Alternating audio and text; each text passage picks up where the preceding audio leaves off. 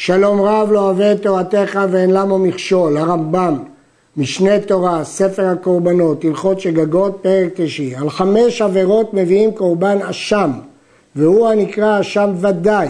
בפרק הקודם דיברנו על אשם תלוי, שמביא על ספק, לא הודע לו. אבל כאן אשם ודאי, שהרי אינו בא משום ספק.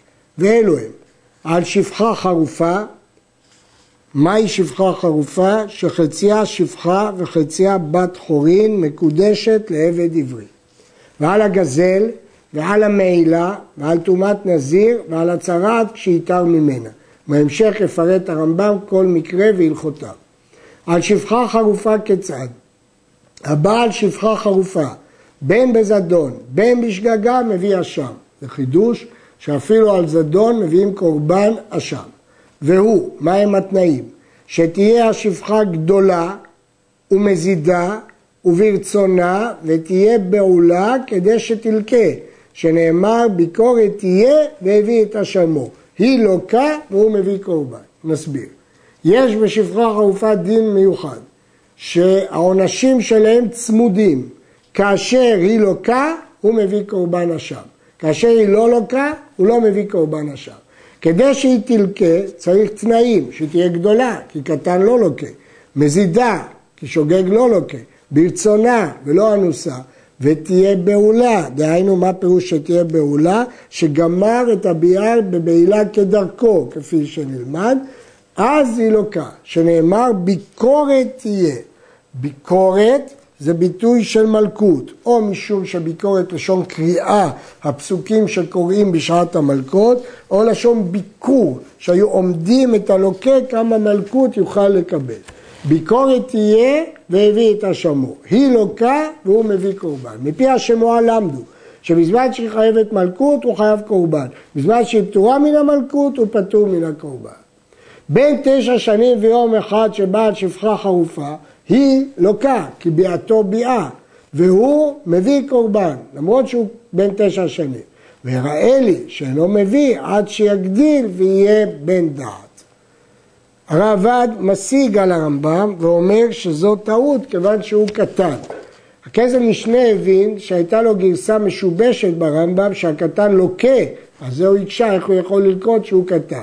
אבל הרמב"ם לא אמר שהוא לוקה אלא שמביא קורבן, אבל יש שהבינו שההשגה של הראב"ד היא גם על הקורבן, ככה לך מישנה מבין, כיוון שהוא סובר שקטן גם לא מחויב בקורבן. כבר ביארנו בהלכות בירת אסורות מהי השפחה האמורה בתורה. אמרנו חציה שפחה, חציה בת חורין, המאורסת לעבד עברי.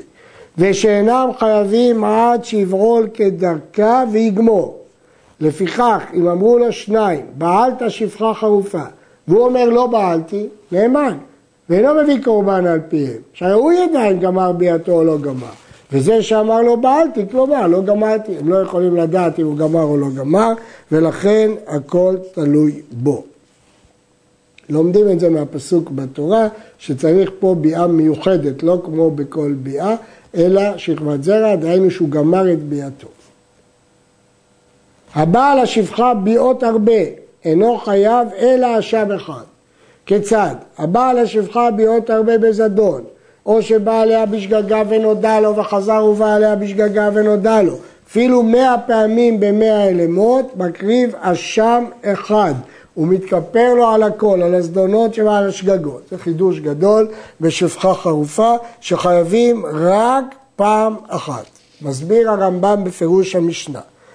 אמר הקדוש ברוך הוא בבעל השפחה וכיפר עליו הכהן באל האשם. עניינו שכל חטא בביאתה של זו אל אשם מכפרו. בין אם בא ביאות הרבה על שפחה אחת. אבל אם בא על שפחות הרבה, חייב על כל שפחה ושפחה. אבל הבעל שפחה, במה דברים אמורים? בשפחה אחת. אבל הבעל שפחות הרבה, אפילו בהלם אחד, חייב על כל שפחה ושפחה, ושפחה כגופים מחלקים. בעל שפחה והפריש אשמו, וחזר ובעל בה אחר שהפריש אשמו, חייב על כל אחד ואחת. כיוון שהוא כבר הפריש את האשם, זה מחלק. שהפרשה מחלקת ונמצא כמי שהקריב ואחר כך בעל. וכן אם בעל חמש בעילות בהלם אחד בשפחה אחת, ונודע לו על אחת ומי הפריש אשמו. כך נודע לו על השנייה, מפריש אשם אחר. אף על פי שבהלם אחד היו כולם, הואיל ולא נודע לו אחר שהפריש, נמצא כבועל אחר שהפריש. דין השוגג והמזיד בשפחה אחד הוא. ברגע שהוא הפריש, ההפרשות מחלקות. על הגזל כיצד?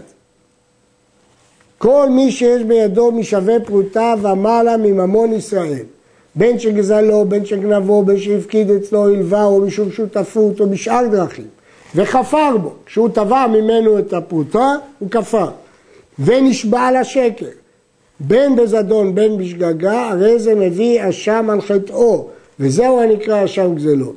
פרוטה, כפר ונשבע על שקר. ומפורש בתורה שאין מתכפר לו באשם זה עד שישיב הממון שבידו לבעליו. אבל החומש אינו מעכב הכפרה. כבר ביארנו בהלכות שבועות, מתי יהיה חייב בשבועה זו שמקריב עליה אשם זה, ומתי יהיה פטור ממנה. ועל איזה דרך יתחייב אשמות רבות כמניין חיוב השבועות, ועל איזה דרך לא יהיה חייב אלא שבועה אחת. כל הדברים האלה התפארו באריכות בהלכות שבועות, פרקים ז' וח'. על המעילה כיצד? אמרנו שיש חיוב אשם ודאי על מעילה. כל הנהנה בשווה פרוטה מן ההקדש בשגגה, מחזיר מה שנהנה, ויוסיף חומש, ויקריב אשם ויתכפר לו. כבר ביארנו בהלכות מעילה שהקורבן והקרן מעכבים הכפרה. ואין החומש מעכב.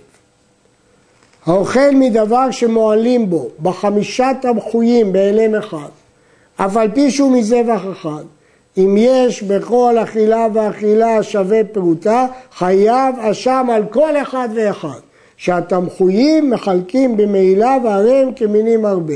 אף על פי שהם מחלקים בחיוב כרתות, למדנו שתמחויים לא מחלקים, בהלכות מעילה זה חומרה. חומרה יתרה יש בה במעילה, שהרי יש בה הרבה חומרות.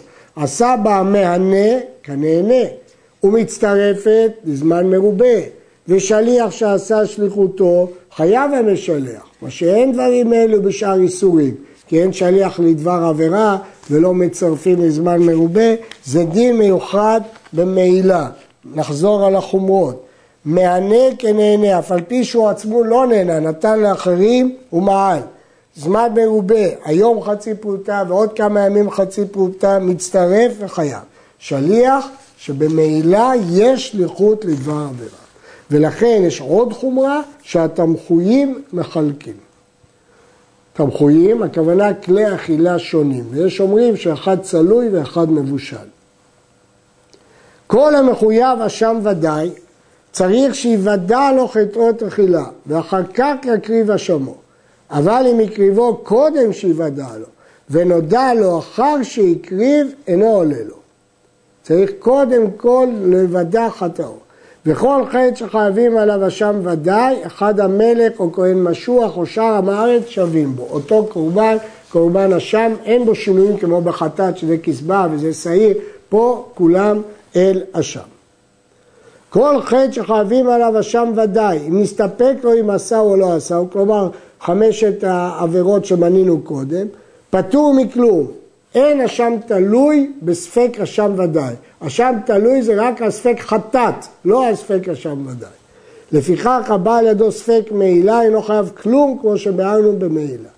הייתה לפניו חתיכה של חולין וחתיכה של הקדש, אחר אחת מהן ואין ידו האזורי פטור.